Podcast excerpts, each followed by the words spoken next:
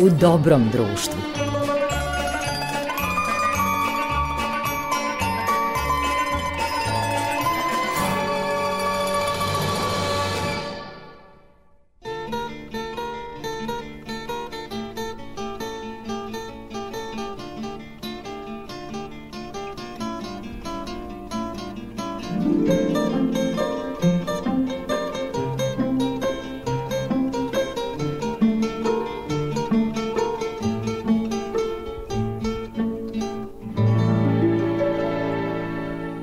Slušalci, dobrodošli u novo izdanje emisije U dobrom društvu. Danas, kada se sećamo čuvenog datuma iz vremena Prvog svetskog rata, tačnije dana primirja, 11. novembra 1918. godine, imamo i gosta vezanog za teme Velikog rata. Vaš i naš gost je pisac Slaviša Pavlović, čiji je fokus stvaralaštva upravo Veliki rat i njegovi junaci. Objavio je do sada veoma čitane naslove, poput e, romana Ratnici crne ruke, Himerina krv, Apisov apostol i Zavet heroja. Inače, Zavet heroja preveden je na ruski jezik i u Rusiji je bio bestseller. Slavišu Pavlovića prepoznajete i kao scenaristu najgledanije serije u poslednje vreme na Radio Televiziji Srbije, serije U klinču, a očekuje nas uskoro i novi roman Slaviše Pavlovića. Dakle, u emisiji U dobrom društvu, u kojoj vas i ovoga puta dočekuju Marica Jung, koja tonski uobličava, razgovor sa gostom i vaš domaćin Goran Vukčević, slušamo Slavišu Pavlovića. Uživajte u temama iz Velikog rata.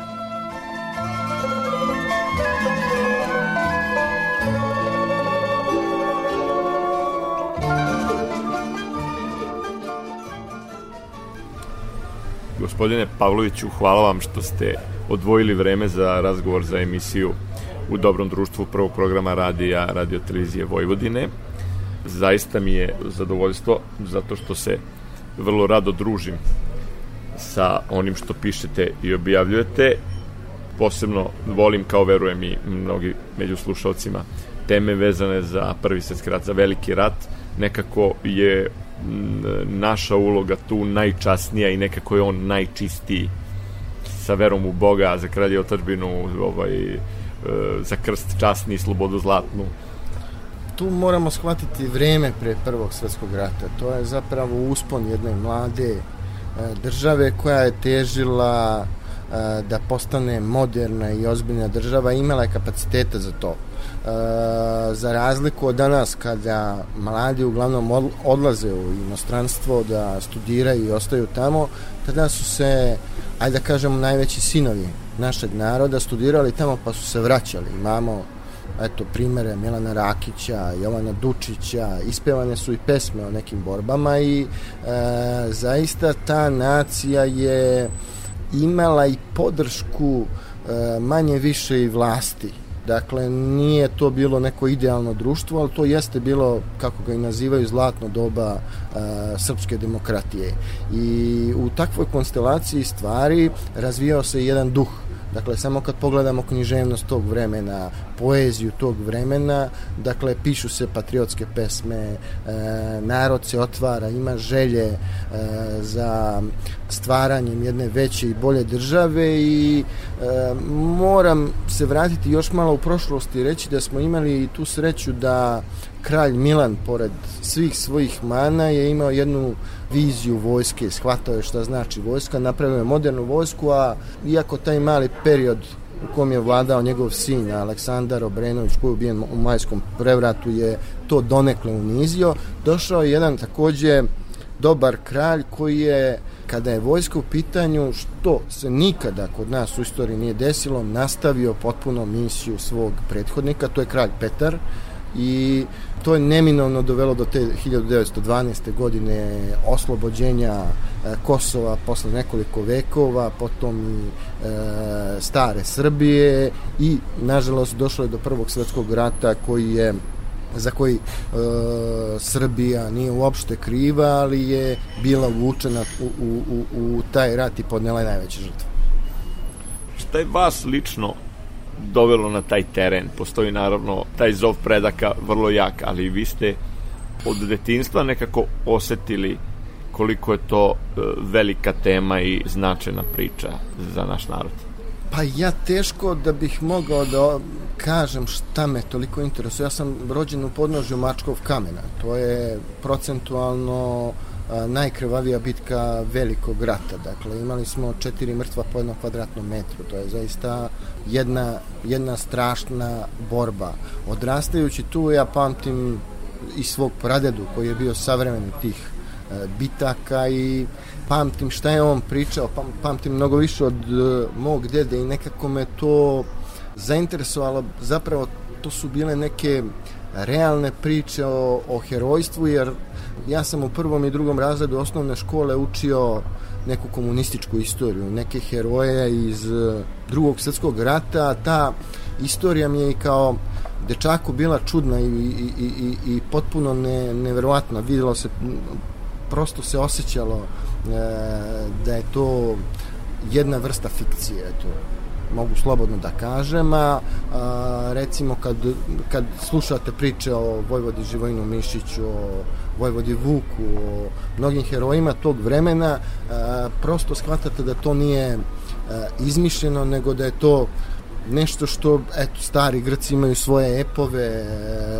izuzetne priče, mi imamo istinite priče o tome koje su nekako ostale u zapečku te komunističke priče i prosto meni kao čoveku koji je čvrsto vezan za identitet svog naroda jednostavno imam potrebu to, to izlazi iz mene da ispričam te priče kako e, ne bi ostale zaboravljene jer mislim da uz te priče ćemo mi postati bolji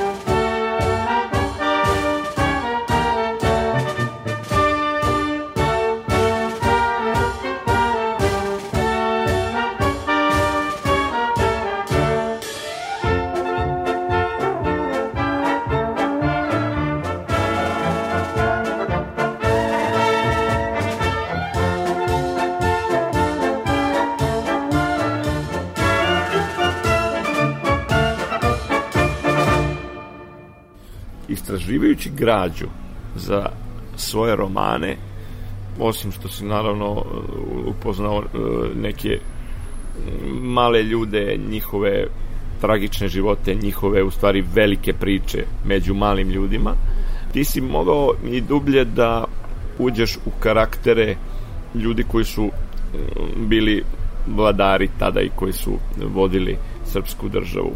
Čini mi se da je vrlo često su neke krivice skrajnute zato što je neko bio na značajnom mestu, donosio važne odluke, e, vodio narod, međutim to, dosta to, toga se našlo vrlo neslavnog i ono što im ne služi na čast, poput recimo kao u Nušićevi 915. što vidimo i naličije i unutar vojske i naravno unutar politike. Nekako kad se priča o slavi, to su portreti, to su istorijske fotografije i ne zalazi se u prljave stvari koje su na kraju krajeva koštale života ogroman broj ljudi.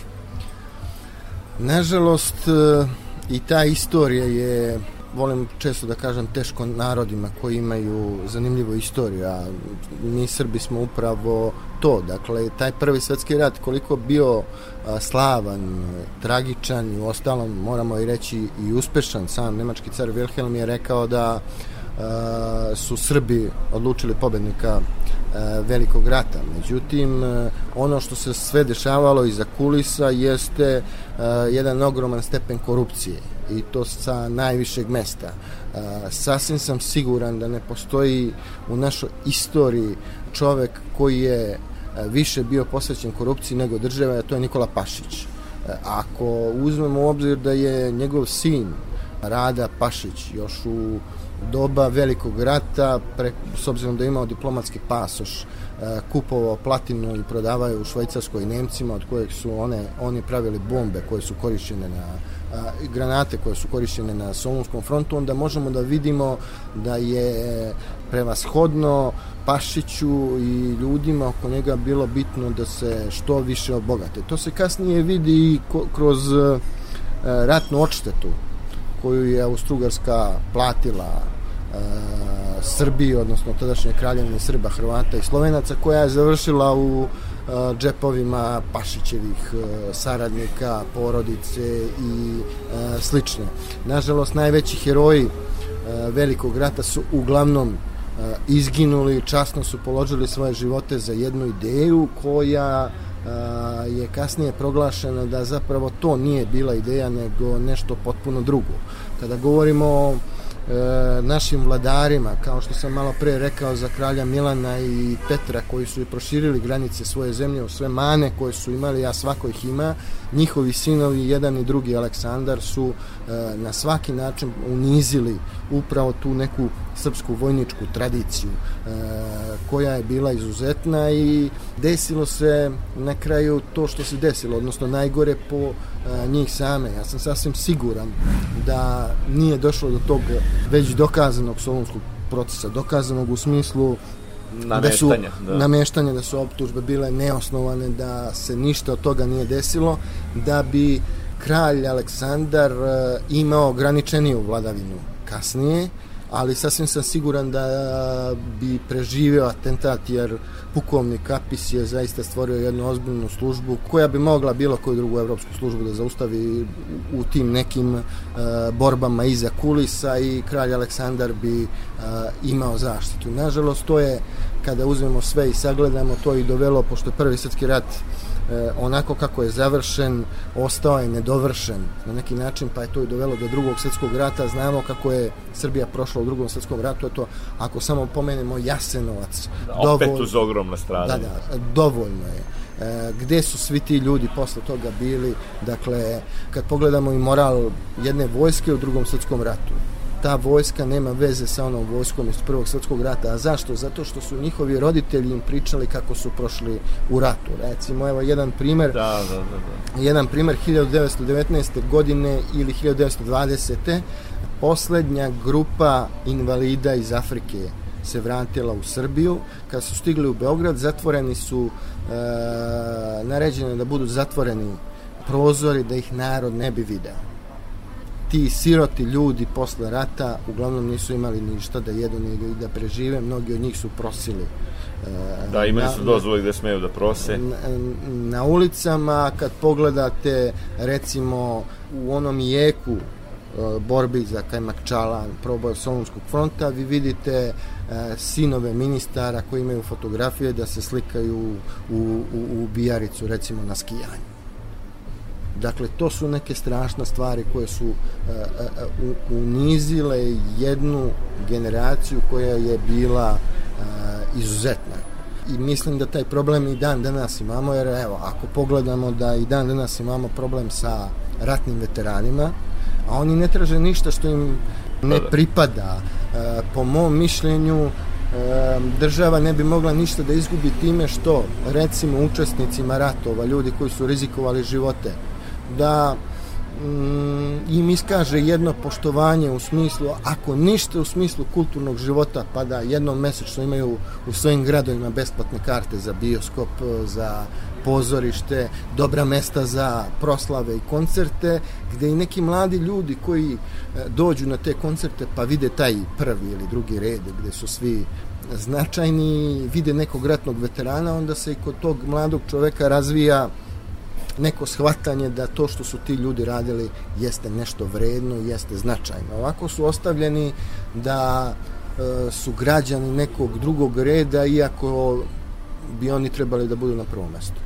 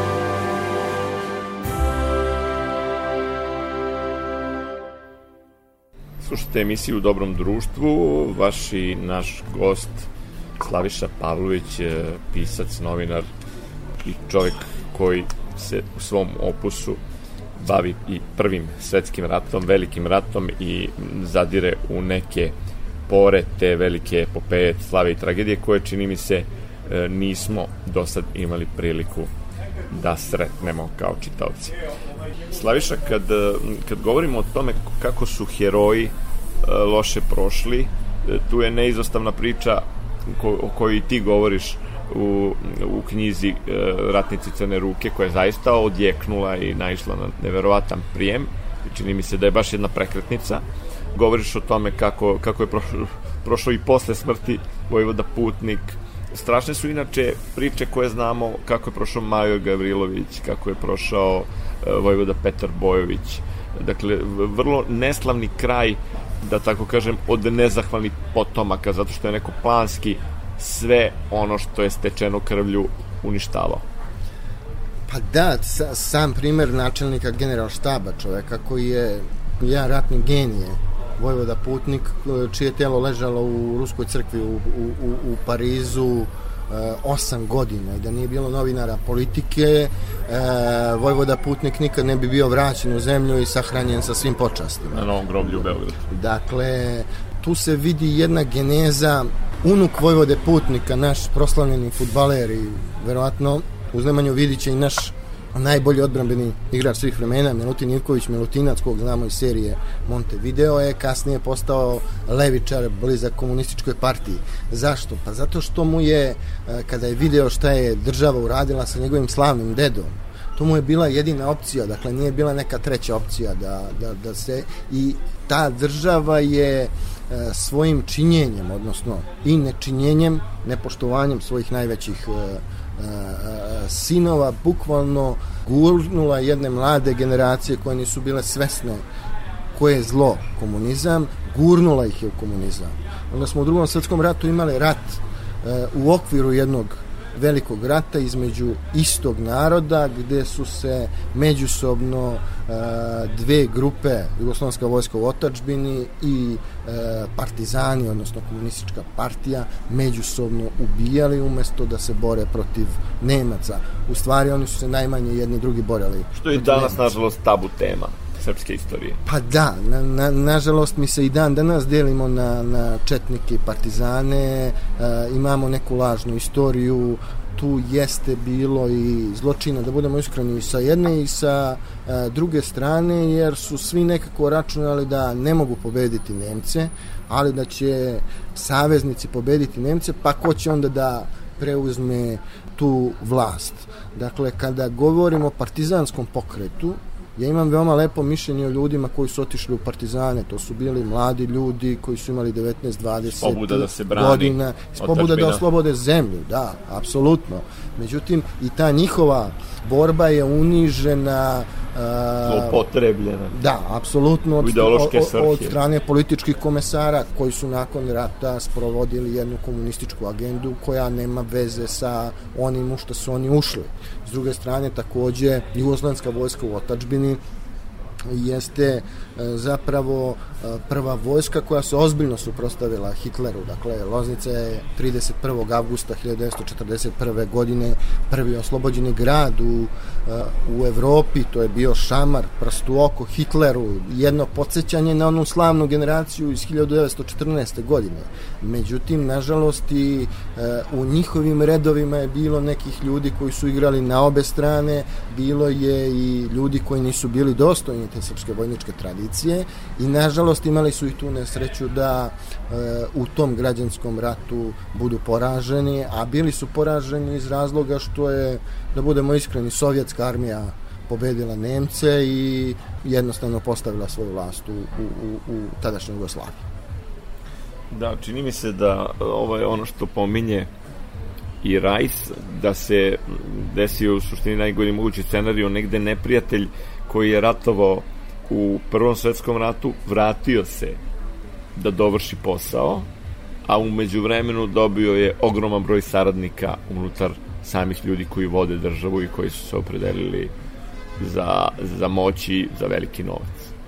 Pa to je potpuno meni neverovatno i jako te ne mogu čak ni sebi da objasnim zašto a, su neki stali na stranu okupatora. Mi danas kad pogledamo izveštaje koji su dostupni, a koji godinama nisu dostupni, mi vidimo da su recimo komunističke vođe tipa Kočo Popovića išli u Zagreb u 1943. godine na pregovore s Nemcima i Ustašama. Dakle, to je jedna ozbiljna saradnja gde su im Nemci i Ustaše obezbedili izlazak u bioskop u Zagrebu uveče, pa čak su im poslali neke devojke na poklon to veče. I dakle, narednih 40 ili 50 godina živimo u tome kako je Koča e, Popović e, đak sa Sorbone, to je jedan sjajan marketing, đak sa Sorbone. Koji tenis. da, da, ovaj, francuski đak, inače nije završio Sorbonu, dakle, upisao je, ali nije završio, tako da, za razliku od nekih velikana iz prethodnih ratova, eto pomenuću Milana Rakića i, i, i druge koji ono što su studirali su zaista završili u inostranstvu, ovaj, e, je bio poznati po velikim represalijama i streljanjima i ubijanjem. E, čak i on u, sam u svojoj knjizi rekao da je ubio jednog mladića samo zato što je bio monarhista. Dakle, taj mladić nije bio ni, ni e, zločinac, ni ubica, ni bilo šta.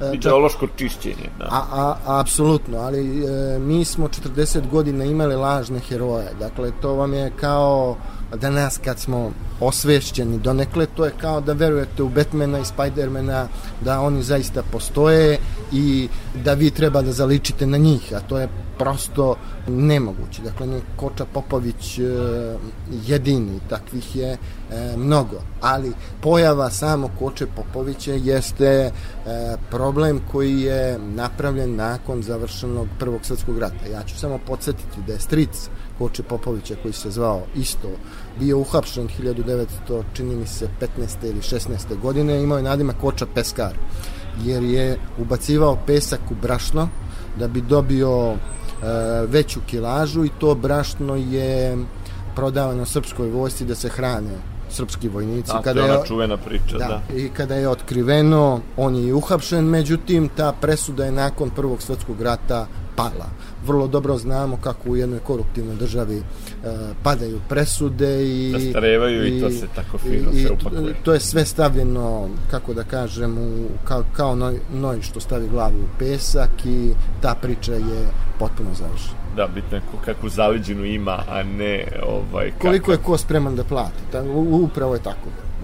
Jeste, to je ono što je što je tragično. Jer ako, jer ako imamo, na primjer, slučaj gde sin proslavljenog Vojvode, najtalentovanijeg generala Velikog rata, Živojina Mišića, napusti vojsku, a koji je i sam heroj tog Velikog rata i napravi udruženje oficira uh, koji je protiv takvog statusa srpskog vojnika u kraljevini Srba, Hrvata i Slovenaca, gde je svaki njihov neprijatelj kog su porazili dobio čin više i postao njima komandant. Nadređeni što, da, što smo videli i u literaturi, recimo, da. On, on, onda dolazimo do, do slučaja da se pitamo zašto je tako slab otpor bio u, u, u drugom svetskom ratu, zato što niko nije imao prvo da se suprotstavlja drugo zato što nas je a, nemačka služba u svim segmentima potpuno porazila. Dakle, mi već imamo ranih 30. godina da pojedini oficiri, e, ministri e, rade za nemačku obaveštajnu službu. I onog trenutka kada su Nemci ušli u Beograd, ti ljudi su samo presvukli i obukli drugu uniformu. Oni su sve vreme radili za to.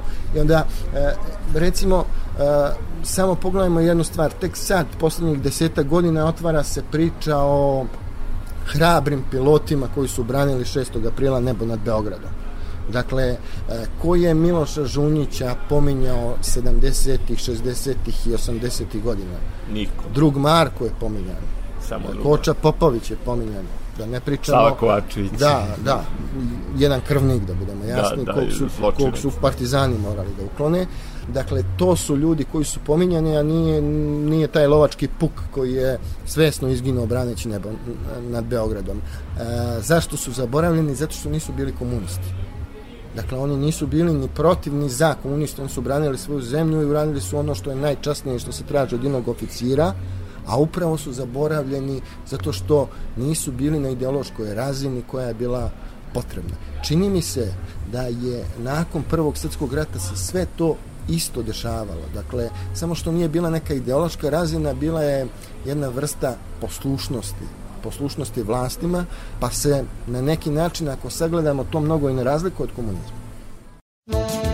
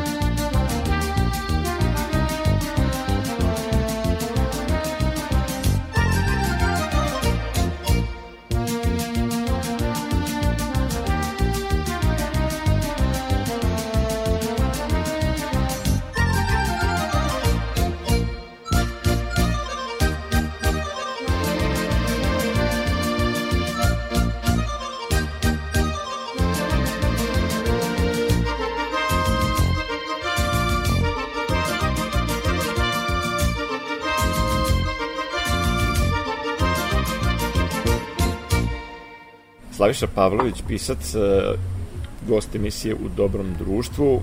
Govorimo o velikom ratu, tu je naravno priča bezbroj, ali otkrićemo bar poneku. Posebno je potresno stradanje e, Vojvode Vuka i e, njegovih vojnika, do njegovih dobrovoljaca koji su ispisali najslavnije stranice i na Kajmak Čalanu pokazali neviđenu hrabrost, a eto praktično su žrtvovani, likvidirani, da ne kažem, ovaj, eliminisani kako ne bi zasmetali. To je isto jedna od priča u knjizi Ratnici crne ruke. Čini mi se da je m, tragedija Vojvode Vuka, takvog jednog junaka, koji na sreću, eto, ima svoj spomenik na Kosančićevom vencu. I priča postoji zanimljiva i vezana za taj spomenik, ali da kažemo nešto o stradanju Vojvode Vuka na Gruništu i kako je to sve izvedeno. Mm, najpre Vojvoda Vuk je vođa najelitnije jedinice srpske vojske nakon pogibije Vojislava Tankosića njih dvojica. Ja uvek to kažem i uvek napomenem, Amerikanci da imaju Voju Tankosića i Vojvodu Vuka imali bi 50 filmova i još 50 serija o njima i ne bi dodavali fikciju jer nema potrebe. E, Vojvoda Vuk je neko e, čiji su vojnici, odnosno specijalci, pratili upravo regenta Aleksandra do e, Grčke, jer je samo sa njima bio apsolutno e, siguran. I slati su na najteže zadatke koje su izvršavali. Pogibija je bila, velika u njihovim redovima, ali su bili obučeni od redovne vojske. Međutim, vi kad pogledate pogibija Vojvode Vuka prethodi sukobu na relaciji Crna i Bela ruka Dakle, s obzirom da je Vojvoda Vuk bio veoma blizak uh, uh, Apisu, oni se još znaju iz te... Uh, da, sve se nekako prelama preko da, crne ruke. Da, četničke da. akcije, kao da je neko želeo da Vojvoda Vuk pre tog solunskog procesa pogine jer uh, sasvim sam siguran da Vojvoda Vuk koji je imao veliki broj vojnika, specijalaca u sebe, ne bi dozvolio takvu blamažu srpskoj e, vojsci. I vi kad pogledate koja on naređenja dobija, gde se žali da e, mu bar daju makaze za sečenje žice kako bi mogao da, da dođe do bugarskih mitraljeza, e, ne postoji drugi način. Traži, dobijete. Traži, da, traži artiljerijsku podršku, oni mu e, uskrate artiljerijsku podršku, ali mu daju te makaze i on opet osvoji taj Kajmak Čalan. I na kraju ta njegova pogibija na gruništu jeste jako čudna iz razloga što je to na kraju došlo do borbe noževima. Njega su zvali herojem bajonet borbi jer je bio veoma vešt u tim borbama i on je poginuo navodno jer je jedan bugarin ležao na zemlji pogodio ga pogodio ga metkom. To je zvanična verzija. To je zvanična verzija. Neka nezvanična verzija jeste, o tome pisao i doktor Aleksandar Kostić, e, doktor u odredu Vojvode Vuka, da se pričalo da ga je ubio neko po nalogu vrhovne komande. Ono da se je, čak nalazi na onoj fotografiji. Da, da se nalazi na, na, na fotografiji, ja znam i njegovo Vojvode, ime i prezime, ali zbog njegovih potomaka i porodice, s obzirom da nemamo dokaze, ne bi bilo u redu da kažem njegovo ime. Međutim, e, to koliko zvučalo neverovatno, dobija jedan epilog nakon rata kada supruga Vojvode Vuka Jelisaveta podnosi krivičnu prijavu protiv države za ubistvo njenog muža, e, gde navodi da ima svedoke za to. To je da, ta ista epizoda koja se malo zna.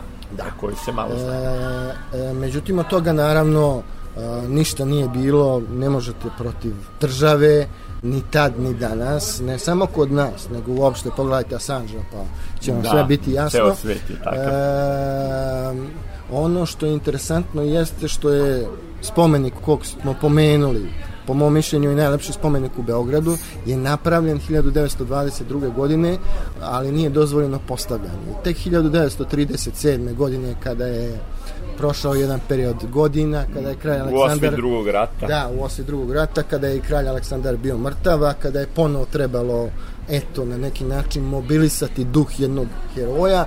Knez Pavle se dosetio da a, taj spomenik bude podignut i on stoji na topličnom vencu. I iskren da budem, ja bih mnogo više voleo da taj spomenik stoji na Kalemegdanu umesto onog pobednika.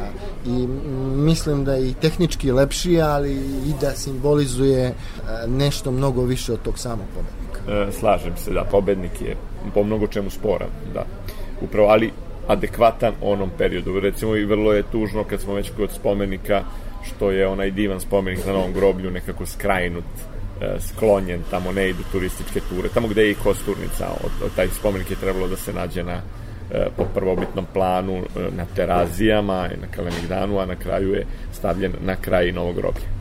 Um, to je spomenik nakon, sa oborenim orlom i sa nakon, i sa Nakon rata bilo je mnogo borbi oko, oko različitih spomenika, jer e, tokom Prvog svetskog rata bilo je i više tih struja. E, struja koja je pobedila u Prvom svetskom ratu pobedila, dobro, pobedila je srpska vojska koja je bila časna i, i, i, i poštena i vojska za primer, ali politička nomenklatura koja je pobedila bila je duboko korupcionaška i e, želela je da se sveti čak i mrtvima, čini mi se. Jer e, duh, niko ne želi duh poštenog čoveka da širi u društvu ako se on bavi korupcijom.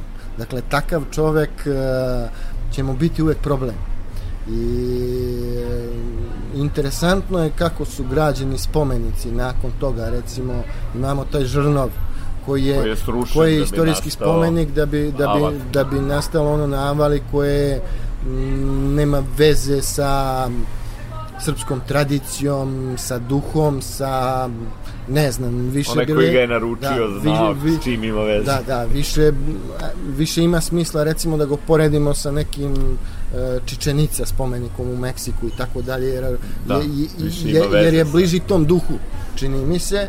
Dakle, i sam taj pobednik kog su hteli da postave na terazijama, pa recimo Jovan Dučić je čak i pisao preteće govore u politici, ukoliko se to postavi i tražio da se postavi kao simbol uh, jednog vremena zapravo car Dušan jer je narodu koji je pobedio u ratu upravo potreban duh jednog vladara uh, koji je učinio ono najveće. Mi evo i dan danas nemamo uh, neki veliki spomenik caru Dušanu, kad pogledamo i neke spomenike koji su u skorije vreme urađeni, recimo meni se e, sviđa spomenik kralju Petru u Novom Sadu, ali recimo spomenik despotu Stefanu u Beogradu je u najmanju ruku skandalosan.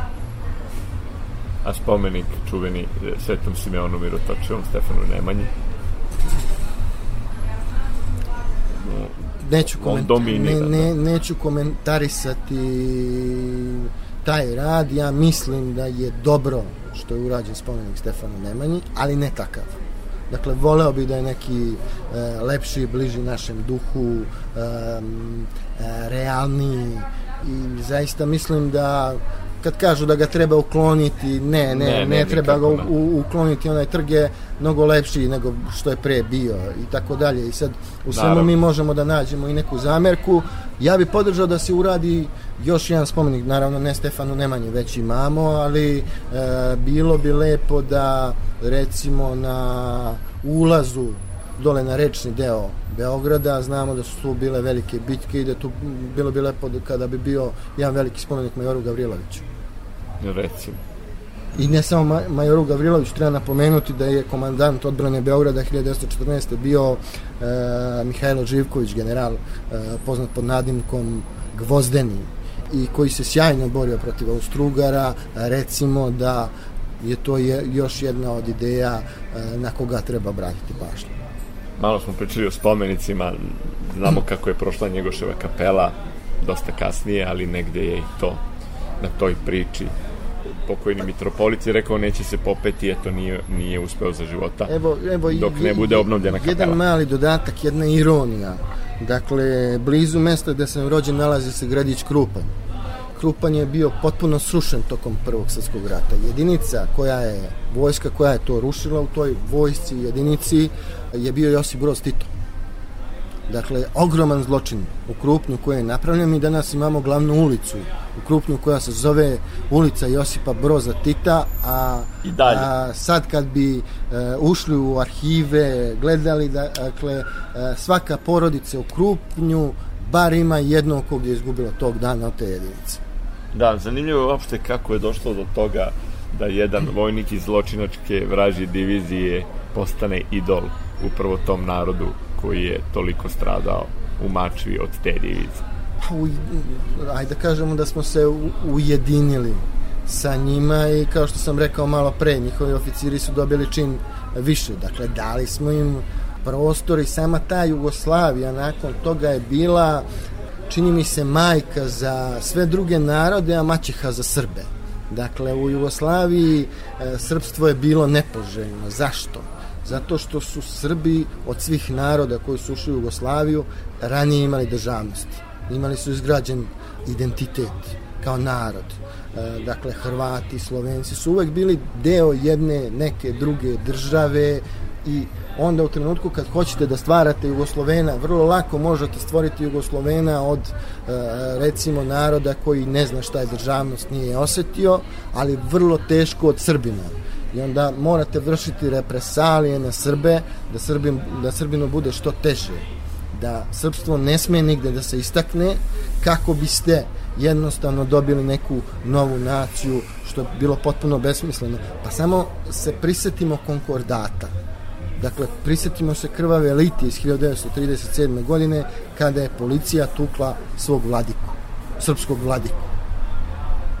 Dakle, ne možemo govoriti o nekoj kraljevini Jugoslaviji kao jednoj divnoj zemlji. Imala je ona svojih i, i prednosti i ta ideja ujedinjenja da su svi normalni je lepa, da budemo iskreni, jer smo svi mi južni Sloveni, govorimo istim jezikom, ali taj jezik se zove srpski ja ne mogu da dozvolim da postoji crnogorski jezik, da postoji bošnjački ili bosanski jezik, jer oni to nisu. Onog trenutka kada Austrijanci budu govorili austrijskim jezikom, kanadjani, kanadskim, amerikanci, američkim, onda možemo da razgovaramo o bosanskom i crnogorskom jeziku koje ponovo kažem lingvistički ne postoje.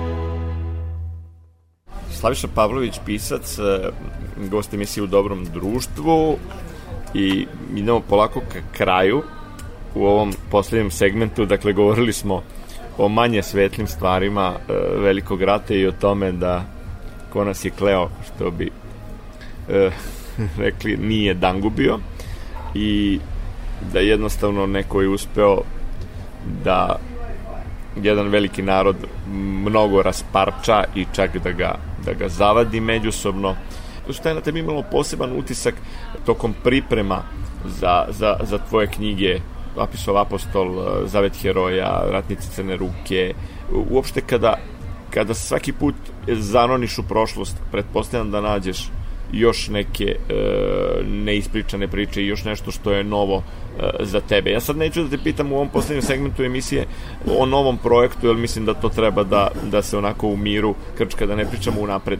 Ali, pošto smo ovu priču i zbog praznika, dana primirja, posvetili velikom ratu. Prvo, zašto je to dan primirja ako smo pobedili, to je ona stara priča, ali evo da, da, da još neke zanimljive priče ispričamo koje možda i nisu dotaknute u, u onome što se do sada objavio. Pa ja moram da kažem, evo, ono što je interesantno jeste profil srpskog oficira u to vreme. Dakle, to je uglavnom mlad čovek, seljački sin, dakle, roditelji su mu nepismeni ili vrlo malo pismeni, da znaju da napišu pismo i da se potpišu. E, međutim, on je završio školu, uči jezike. Dakle, vrlo redko je bilo da neki srpski oficir ne zna jezik. Oni su se okupljali u kafanama u Beogradu, gde je bilo naravno i bogate gospode i bogatih dama. Oni su sa njima razgovarali recimo na francuskom jeziku, citirali su velike svetske pisce i učili su albanski i turski jezik. Dakle, ta država je shvatala da e, želi da oslobodi staru Srbiju i da bi oslobodila, znalo se ko je neprijatelj. E, neprijatelj se upoznavao. Upoznavao se kroz jezik, kroz kulturu, kroz psihološki profil. Ti ljudi su se bavili time. Dakle, jedan Voja Tankosić koji godine provodi po gudurama Makedonije, otputuje u Pariz, na pregled oružja i daje intervjue u e, francuskim listovima na francuskom jeziku. Dakle, veličina te Srbije je bila u obrazovanim ljudima to je ono u šta e, svako ulaganje u obrazovanje daje rezultat pre ili kasnije. I pošto smo baš pričali jedne mračne teme do sada kako je sve da završimo bi, nekom svetlim bilo tom. loše da, da završimo u nekom svetlijem dakle mi 70 80 godina nismo znali sve ovo o čemu pričamo te neke lepe stvari. Danas se to otvorilo. Imamo i spomeni kralju Petru e, govori se o tome. Voleo bih da neko ozbiljno i uradi neki film o Prvom svetskom ratu, ali ozbiljan, ne e, neki poput Sveti Georgij ubiva ždahu u kom austrugarsku vojsku i ne vidimo, ali vidimo kako su Srbi loši. E, jedan film, čini mi se, Agenda, e, nevladinih organizacija pre nego što je film o srpskoj vojsci, ali... Ružni prljavi zli. da, da. Da, i, i, i, i, i da su nam prabake prostitutke E, bukvalno tako je predstavljeno, a to su bile jedne E, divne i hrabre žene. Napomenuo, eto, kad dolazimo do žena, da su žene u toj Srbiji bile veoma a, liberalne. Srpska vojska je imala čak specijalne jedinice u koje je primala žene, pa imamo Milunku Savić, Sofiju Jovanović i tako dalje. E, o tom duhu mi treba da pričamo tog vremena i mislim da se to u poslednjih godina otvorilo i da mlade generacije koje su 20 godina mlađe od mene, jer ja pre 20 godina ove informacije nisam znao, oni to znaju a i u prednosti su i mislim da je to naša nada u budućnosti te mlađe generacije koji znaju mnogo bolje a, svoju istoriju i koji nisu žrtve a, neke lažne istorije komunističke propagande. To se otvorilo u poslednjih 10-15 godina i mislim da to teško može da se zaustavi sad. Sa nadom da tek dolaze prava umetnička dela vezana za veliki rat, da je sve ovo samo uvertira u to završavamo ovaj razgovor. Hvala mnogo Slaviši Pavloviću Bilo mi zadovoljstvo. U moje ime i u ime ekipe koja realizuje ovu emisiju i naravno vas slušalaca. Želim ti uspešno sve čega se dohvatiš, a ne sumnjam da će biti reč o istoriji, jer ko nema istoriju, nema ni budućnost, ko neće da uči sobstvenu, učit će tuđu tuđu istoriju učiteljice života. Evo, ja bi ovaj razgovor završio sa i time do godine u Prizrenu.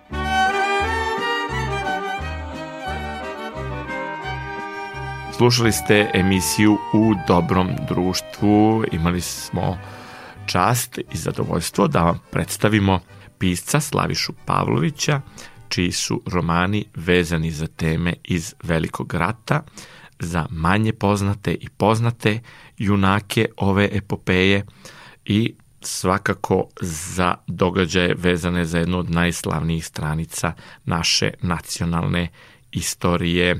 I ovoga puta uz vas su bili Marica Jung za Mixpultom i Goran Vukčević, vaš domaćin i urednik emisije U dobrom društvu. Očekujemo vas i sledećeg petka sa novom gošćom ili gostom, a do tada ovu emisiju možete slušati i u repriznom terminu u četvrtak posle vesti u 16 časova, kao i na našoj web stranici pod opcijom odloženo slušanje iza banera u dobrom društvu. Budite dobro i zdravo i do slušanja ostanite u dobrom društvu.